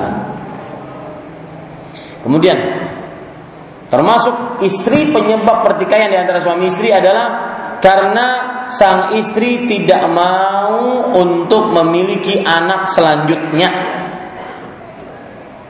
Mencukupkan dengan dua, mencukupkan dengan tiga, tidak memiliki anak selanjutnya, ya. Apalagi sampai merasa tidak nyaman digauli oleh suaminya. Wah, ini parah. Ini harus bertobat kepada Allah Subhanahu wa taala. Kenapa? Karena itu dosa besar.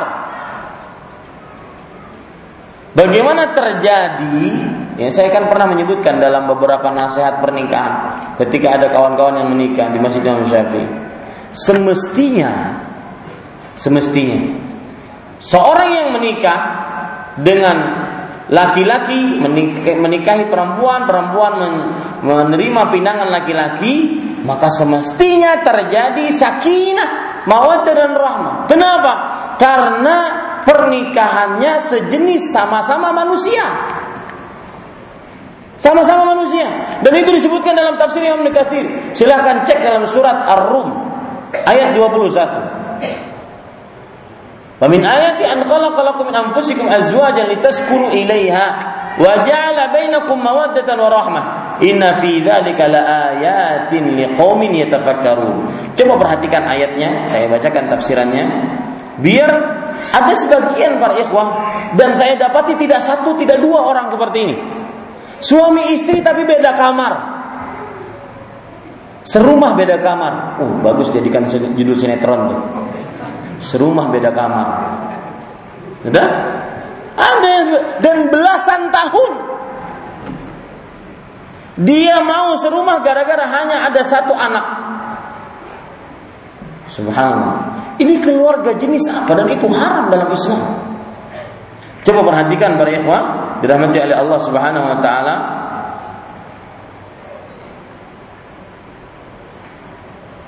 Allah Subhanahu wa taala berfirman di dalam Al-Qur'an surat Ar-Rum ayat 21. Lihat tafsirannya sekarang ya, perhatikan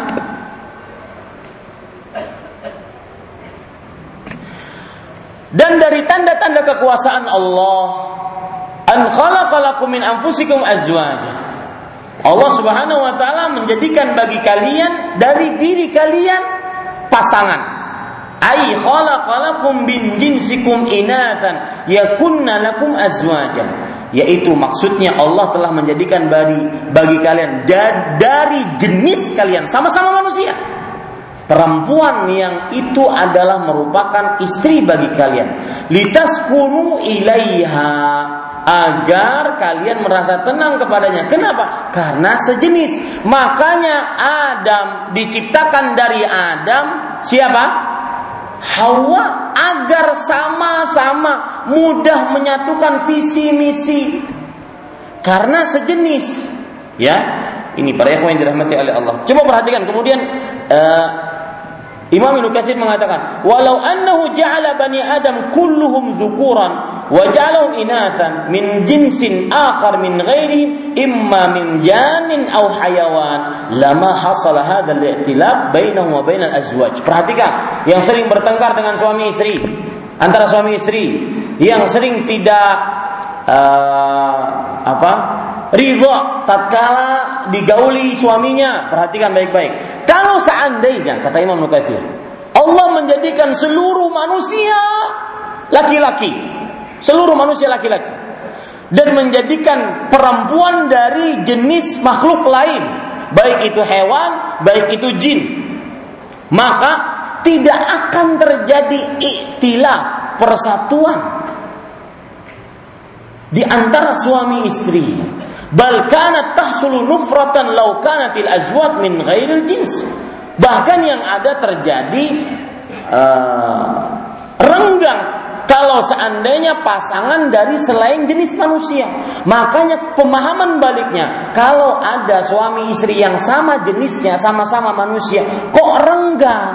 Kok uh, suami tidak mau menggauli istrinya atau sebaliknya istri tidak mau melayani suaminya, ini jangan-jangan salah satunya bukan manusia. Mungkin salah satunya hewan atau salah satunya jin. Ini perkataan para ulama seperti itu. Ya, ya, para ikhwan yang dirahmati oleh Allah. Maka perhatikan baik-baik ya dalam perkara yang seperti ini.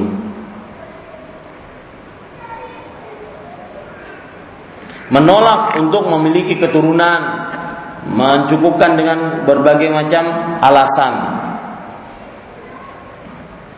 Kemudian yang kesembilan dan ini juga banyak terjadi di tengah masyarakat. Nah, cukup sembilan eh, sampai sepuluh nantinya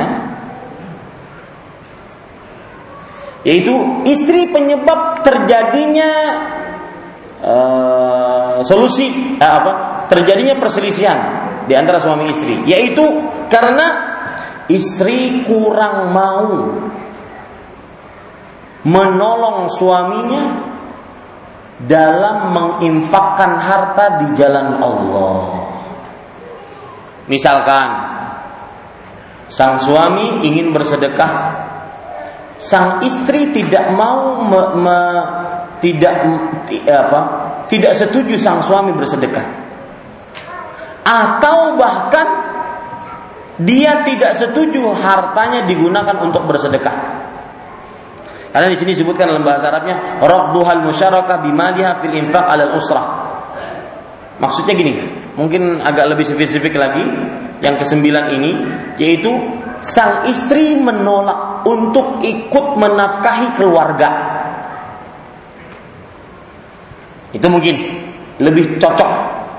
Sang istri menolak untuk ikut menafkahi keluarga. Artinya tidak ada ampun sama sekali. Pokoknya suami-suami. Sidin dari mulai rumah, ledeng, listrik, telepon, gas, suami-suami pokoknya. Tidak ada sama sekali boleh ataupun istri memikirkan keadaan suaminya. Oh, kasihanlah suamiku, semuanya menanggung. Kasihan suamiku, padahal saya punya ini. Maka ini termasuk hal yang bisa menimbulkan pertikaian perselisihan di antara suami istri. Istri sama sekali tidak mau ingin ikut-ikutan menafkahi keluarga, meskipun tidak ada kewajiban. Tapi itu sebuah nilai baik dan prestasi yang baik dan prestise yang baik di hadapan suami tentang istrinya. Ini pada ikhwan yang dirahmati oleh Allah Subhanahu wa taala. Yang ke-10 yang terakhir sebelum kita masuk kepada pertanyaan, nah ini juga sering banyak sering banget terjadi. Istri penyebab terjadinya pertikaian perselisihan di antara suami istri karena istri sering merendahkan kedudukan suami baik dalam perihal keturunan,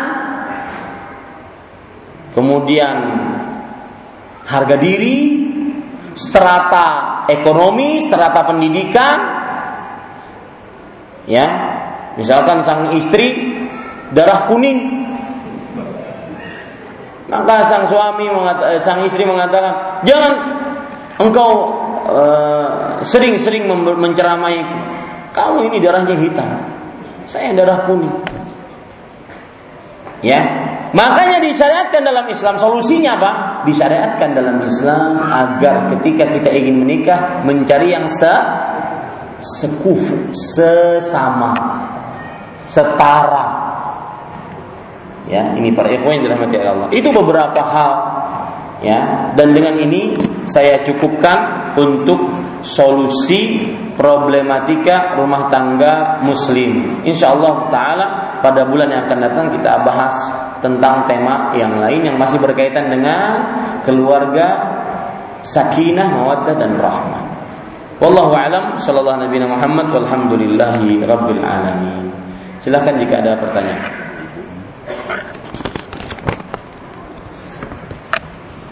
Nah, ada? Pertanyaan, bolehkah memakai kaos kaki berwarna kulit atau krem? Wallahu alam. Ukurannya adalah bukan warna. Ukurannya adalah apabila itu menjadi fitnah. Godaan bagi laki-laki yang bukan mahramnya. Maka kalau seandainya dianggap bisa mendatangkan syahwat, bagi laki-laki yang bukan mahramnya maka lebih baik dijauhi. Kalau seandainya mendatangkan syahwat. Yang kedua, sejauh mana kategori berhias bagi para wanita bagi pakaian wanita? Bolehkah memakai pakaian atau kerudung yang bermotif berenda, berbordir? Tidak ada batasan yang ditentukan oleh syariat Islam. Harus kada boleh berenda, harus kada boleh bermotif, harus kada boleh berbordir. Tetapi yang menjadi ukuran kalau pakaian itu dipakai membuat indah. Dan ini di zaman sekarang sudah mudah-mudah sebagian uh, akhwat atau saudari-saudari muslimah yang bahkan yang sudah lama mengaji. yang sudah bermudah-mudah maka jangan sampai berpindah khut khitahnya. Biarkan dia seperti dahulu ketika kita mulai baru mengenal sunnah hitam ataupun warna-warna gelap dan tidak terlihat motifnya. Karena ditakutkan itu juga penghias karena Rasulullah SAW mensyaratkan pakaian perempuan adalah bukan perhiasan pada saat yang bersamaan. Ketika dipakai, dia terlihat indah. Ya, pertanyaan paling mendasar adalah itu kalau seandainya dibordiri, kemudian dimotivi, itu Anda pakai di luar untuk berdandan kepada siapa? Kenapa itu tidak dilakukan ketika berada di hadapan para suami? Nah, ini ibu-ibu saudari-saudari muslimah yang dimuliakan oleh Allah. Wallahu a'lam. Bagaimana hukum berdandan di luar rumah bagi wanita? Cuman dandan itu diperbolehkan oleh suaminya. Apakah ada batasan-batasan dalam berpenampilan berdandan bagi wanita? Suami yang memperbolehkan berdandannya istri di hadapan laki-laki yang bukan mahramnya ataupun di luar rumah, maka suami ini dayuth Dayuth adalah laki-laki yang tidak mempunyai rasa cemburu. Terjadi kebobrokan di tengah keluarganya dia biarkan. Dan dayuth diancam tidak masuk surga. Rasul Shallallahu Alaihi Wasallam bersabda, "Thalathatun la yadkhuluna al-jannata abada." Tiga orang yang tidak akan masuk surga sama sekali. Mudminul khamar, kecanduan khamar. Wal aqli walidain, orang yang durhaka pada dua orang tuanya wa dayyuth alladhi yuqirru fi ahlihi al-khubtha dan lelaki dayyuth yang membiarkan di tengah keluarganya terjadi keburukan. Maka suami yang membiarkan istrinya berdandan di hadapan laki-laki yang bukan mahramnya maka ini dayyuth tidak ada batasan. Batasannya tidak boleh berdandan. Ya Ustaz suami ulun mengizinkan. Pengizinan suami yang keliru Demikian ya. Wallahu a'lam. Teman saya sudah memiliki tiga orang anak. Tujuh bulan terakhir sudah pisah ranjang. Karena menurut ceritanya suami pelit dan dia menyarankan suaminya untuk beristri lagi. Menurut Ustadz bagaimana solusi rumah tangga teman saya ini? Maka jawabannya wasulhu khair. perdamaian lebih baik. Ya, kalau tujuh bulan pisah ranjang, maka ini sudah terlalu lama. Karena batasannya cuma empat bulan menurut Umar bin Khattab radhiyallahu. Kalau tidak, imma digauli lagi, bergaul lagi, atau dicerai. Ya, tujuh bulan terlalu lama, tidak diperbolehkan itu.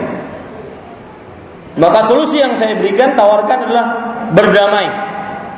Dan sang suami lebih bekerja dengan maksimal, sang istri sabar dengan keadaan suaminya. Apalagi punya tiga orang anak. Ya, wallahu a'lam. Bolehkah suami istri bercanda atau membuat pasangan kita ketawa, melucu tanpa dusta? Maka boleh. Ya, Rasulullah Shallallahu Alaihi Wasallam sering membuat istri-istrinya eh, tertawa dan beliau sering mencandai keluarganya. Seperti misalkan beliau bercanda dengan Aisyah radhiyallahu anha ketika main lari-larian dengan Aisyah. Awalnya Rasulullah sallallahu alaihi wasallam kalah, yang kedua Aisyah radhiyallahu anha yang kalah. Kata Rasulullah SAW, tilka bihadi. Kekalahan dulu dibalas dengan sekarang. Tersenyum Aisyah radhiyallahu anha. Makanya Rasulullah SAW bersabda, ini amzah wala aqulu illa haqqan. Aku bercanda, tetapi aku tidak mengucapkan kecuali kebenaran. Ya boleh bercanda. Saya tidak bisa membayangkan kalau seandainya suami tidak bisa bercanda dengan istrinya. Ya. Serius, kadang merangut, kadang serius. Ya. Ini ngali. Dalam berhubungan badan ngali, serius. Ya, gimana itu coba? Ya, tidak bisa dibayangkan. Taib. Pertanyaan selanjutnya, jika suami setiap mendengar azan harus segera sholat berjamaah di masjid, tetapi setiap pulang dari masjid mendapati istri selalu menunda sholatnya, padahal sudah mengingatkannya. Pada waktu apa seorang istri mengerjakan sholat wajib pada waktunya? Apa solusinya jika istri sering marah-marah jika enak-enak sering member, member jika anak-anak sering memberantakan sua, memberantakan rumah? Eh, yang pertama, yaitu istri dikatakan sholat pada waktunya adalah ketika dia mengerjakan di awal waktu. Setelah azan, dia langsung bergegas mengambil air wudhu. Tidak dia tunda-tunda, apalagi sampai mengakhirkan waktu sholat di akhir waktunya. Itu adalah sifatnya orang munafik. Rasul sallallahu alaihi wasallam bersabda tilka salatul munafiq tilka salatul munafiq yarqubu syams hatta idza kanat baina qarnai syaitan. Qama fanaqara arba'an. Itulah salatnya orang munafik. Beliau ulangi tiga kali. Itulah salatnya orang munafik itulah salatnya orang munafik. Jika matahari benar-benar sudah mau terbenam di antara dua tanduk syaitan maka dia bangun bersegera kemudian dia sholat dengan terlalu cepat ya seperti burung mematuk makanannya. Maka istri dikatakan sholat pada waktunya adalah ketika azan dia bersegera mengambil air wudhu. Apa solusinya jika istri sering marah-marah jika anak-anak sering memberantakan rumah? Maka jawabannya para ikhwan yang dirahmati oleh Allah, solusinya anak-anaknya diajari untuk rapi. Yang kedua, istrinya diajak untuk menahan emosi. Memang berat Pak, capek memba, memba, apa, merapikan rumah. Capek. Kadang ada sebagian suami melihat istrinya menyapu rumah itu kadang lima kali sehari. Saking ingin menjaga kebersihan rumah. Maka pada saat itu kita didik anak-anak kita agar senantiasa menjaga kebersihan rumah rumah suami atau rumah bapaknya. Bagaimana menghadapi suami yang pelit hanya mencukupi kebutuhan rumah tangga tanpa memperhatikan keperluan istri padahal sang suami berkecukupan contoh berbelanja pakaian, barang dan lain-lain. Siapa suaminya nih?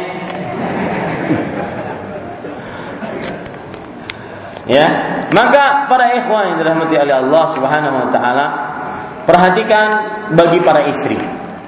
Sebelum saya menasihati para suami. Suami berlaku seperti itu mungkin ada sebab di antaranya mengatur keuangan yang ada di keluarga. Yang kedua, nasihat bagi sang suami yaitu ketahui baik-baik sifat bakhil itu tidak mendatangkan cinta. Bakhilmu nihil cinta. Ya. Kenapa? Rasulullah SAW bersabda, tahadu tahabu. Saling memberi hadiahlah, maka kamu akan saling mencintai. Maka lihat suami yang dicintai oleh istrinya. Kalau seandainya suaminya pergi ke masjid, ditelepon oleh istrinya habis sholat. Oh, bila boleh. Kalau suaminya keluar kota, datang SMS, Pabila bulik kaganangan ulun. Nah, ada kada pian-pian diberikan SMS kayak itu. Mun kadada patut dipertanyakan cintanya istri pian lawan pian. Ya, yang ada mungkin sudah kada pernah ditelepon, kemudian datang SMS. Berapa hari lagi? Mungkin dua hari lagi. Tambahikin kada apa-apa juga. Subhanallah. Ya, ini para ikhwan. Lihat Rasul Shallallahu Alaihi Wasallam. Beliau Nabi yang sangat dicintai oleh para sahabatnya. Sangat dicintai oleh para sahabatnya. Imam Nawawi menjelaskan kenapa para sahabatnya sangat cinta kepada Rasulullah SAW. Tiga sebab. Husnul khilqah. Penampilan yang baik.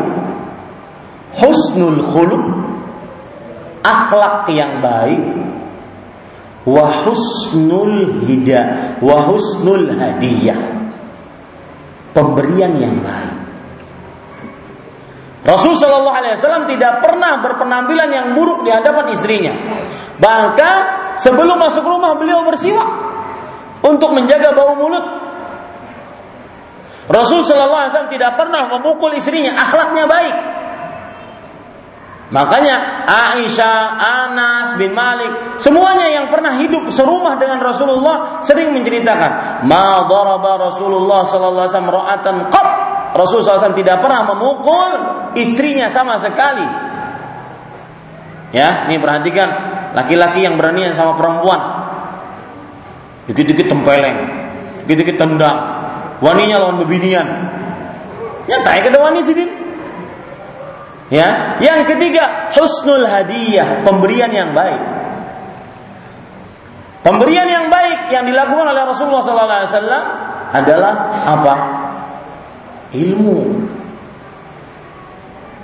perhatian,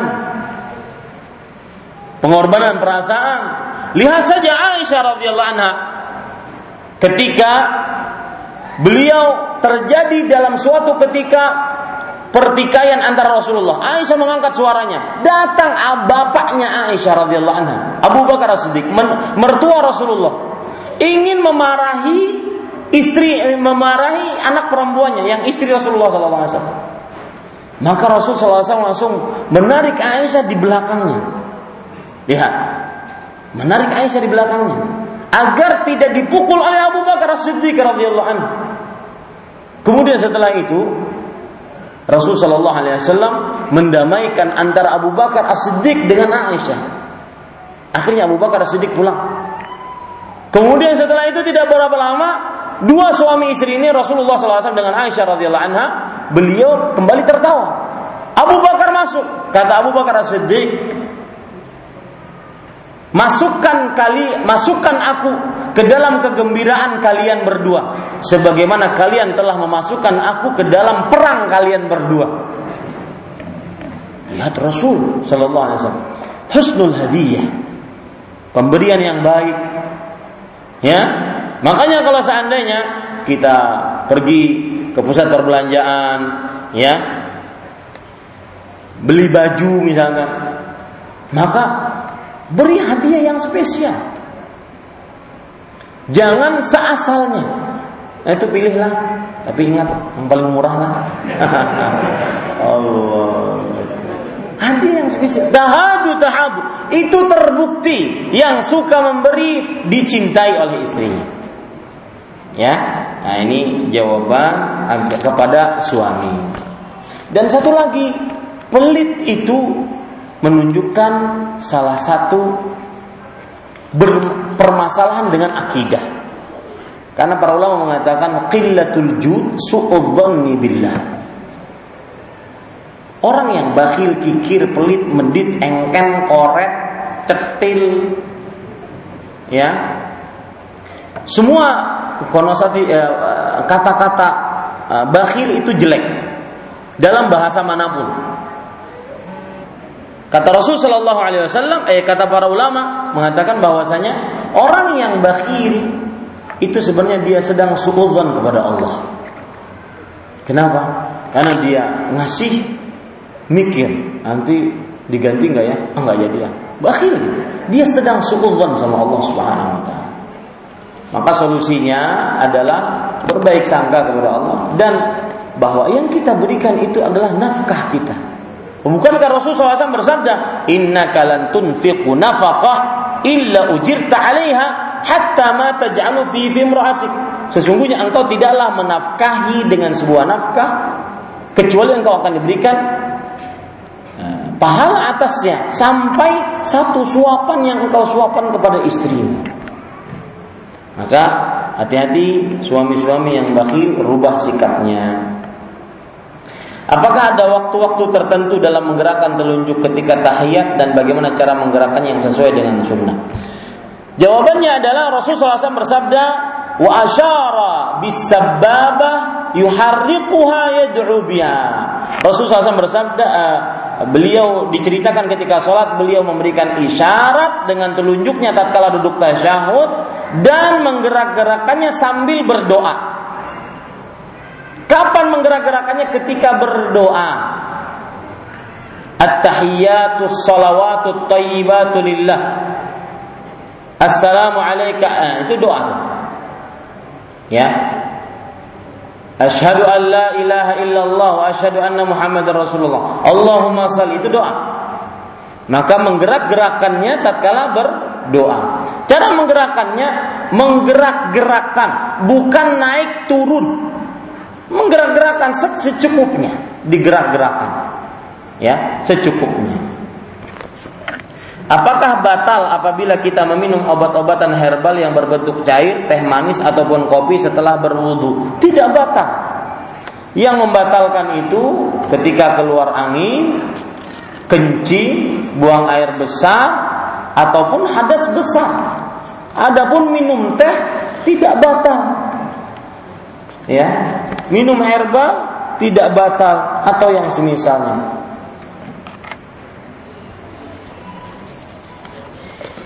Jangan teh sapi onta aja ada batal. Wallahu alam. Suami saya menyayangi wanita lain, hah? Dan ingin berpoligami. Suami saya bilang mungkin dengan berpoligami hidup lebih baik lagi dan lebih bahagia lagi. Saya rasa suami saya tidak cukup bahagia dengan saya. Padahal suami saya mengaku dia bahagia dengan saya. Salahkah saya bilang bila merasa terzalimi, merasa sakit hati dan marah dengan keinginan suami saya tersebut? Maka jawabannya, ibu tidak akan pernah rela berbagi cinta dengan yang lain. Perasaan merasa terzalimi, tersakiti itu adalah perasaan seorang tabiat seorang perempuan ketika suaminya ingin menikah lagi. Ya. Maka pada saat itu yang ada adalah kita harus duduk bersama dengan sang suami dan menjelaskan perihal ini bersama-sama bahwasanya kalau terjadi pernikahan lagi dengan keluarga ini bagaimana? Apakah kamu sanggup secara kekuatan? Jangan-jangan tidak sanggup. Ya, sekali menggilir yang satu, yang kedua, huh. ada laki-laki yang bertemu dengan saya seperti itu. Ustaz, kenapa? Huh. Ini orang nggak pantas poligami. Lihat Rasul Shallallahu Alaihi Wasallam beliau menggilir istrinya sembilan satu malam sekaligus. Ya, ini para ikhwan yang dirahmati oleh Allah. Karena saya sering mendapati praktisi-praktisi poligami, salah satu yang bermasalah dan menimbulkan menimbulkan perceraian pertikaian di antara suami istri adalah sang suami tidak suportif sportif ya kenapa karena sudah habis di yang pertama yang kedua sisa-sisanya saja. Ini tidak benar. Harus kuat para ikhwah yang dirahmati oleh Allah Subhanahu wa taala. Ada semut. Harus kuat. Yang kedua, harus kuat ekonomi. Bagaimana kalau seandainya mau berpoligami sedang ekonominya tidak kuat? Ih, punya istri satu saja kadang-kadang ya kita kewalahan atau sebagian orang kewalahan untuk menafkahinya. Dia harus hutang sana, hutang sini. Belum bayar ini, belum bayar itu. Seorang pernah curhat Ustaz, istri saya lagi sakit. Sepertinya perlu biaya. Anak-anak belum beli alat-alat sekolah. Rumah kontrakan belum bayar. Kemudian begini dan begitu Akhirnya dia mengatakan, tapi Ustaz begini, saya kayaknya agak kasihan dengan janda yang satu itu. Ini nggak tahu diri. Lilin ingin jadi bentari, gimana? Susah. Ya, para ikhwan yang dirahmati Allah. Ya syarat yang ketiga harus adil dia.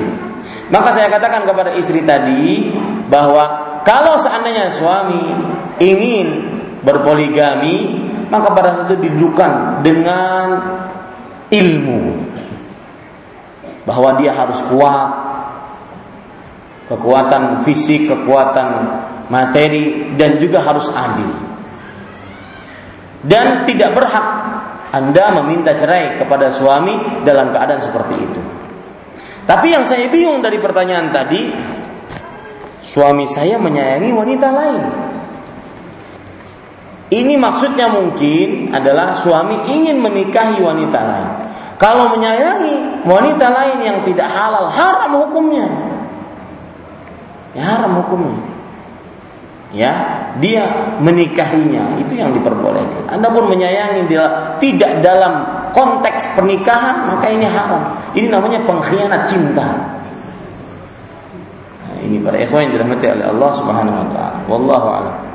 Nah, Cukup kiranya waktu sudah mau jam 9 Kita cukupkan dengan kafaratul majlis Dan saya ingin ingatkan Alhamdulillah ingat ini Bahwa untuk puasa hari Ashura Yang disunahkan kita berpuasa dan menghapuskan dosa satu tahun yang telah lalu Dan sangat-sangat dianjurkan oleh para ulama e, Karena terjadi perbedaan di antara e, ketetapan-ketetapan yang ada, salah satu penyebabnya adalah bukan merupakan kebiasaan untuk Kementerian Agama menentukan satu Muharram. Mereka hanya kebiasaannya biasanya menentukan satu Syawal atau satu Ramadan. Tetapi di Kementerian Agama ada layanan bina masyarakat. Di situ bina masyarakat menyebutkan bahwa Kementerian Agama menentukan untuk satu Muharram itu bertepatan dengan hari Selasa dan Rabu ini. Yang itu berarti tanggal 11 dan 12. 9 dan 10, 11 dan 12. Jadi Asyuranya tanggal 12 hari Rabu, Tasu'anya tanggal 9-nya tanggal 11 hari Selasa. Maka siapa yang ingin berpuasa dari besok, Senin dia puasa karena Seninnya, kemudian Selasa dia berpuasa karena tanggal 9-nya, dan e, Rabu berpuasa karena tanggal 10-nya, dipersilahkan. Ya, dipersilahkan. Kalau dia ingin ber, ber, ber, berpuasa hanya tanggal Rab, hanya tanggal 10 Ashura, ya, 10 Muharram hari Ashura, itu hari Rabunya saja silahkan. Itu juga tidak mengapa. Cuma berpuasa pada tanggal 9 demi menyelisih dari kaum Yahudi dan Nasrani. Cuma pahala yang menghapuskan dosa satu tahun itu adalah tanggal 10 dari bulan Allah Al-Muharram ini kira-kira yang bisa saya sampaikan Mudah-mudahan menjadi perhatian bersama dan siapa yang bertanya tentang ini mudah-mudahan bisa disebarkan bahwa dari bina masyarakat Kementerian Agama menyebutkan bahwa tanggal 9 dan 10 Al-Muharram bertepatan dengan tanggal 11 dan 12 hari Selasa dan Rabu dua, uh, bulan Oktober 2016. Subhanakallah bihamdik asyhadu an la ilaha illa anta wa atubu ilaik. Wassalamualaikum warahmatullahi wabarakatuh.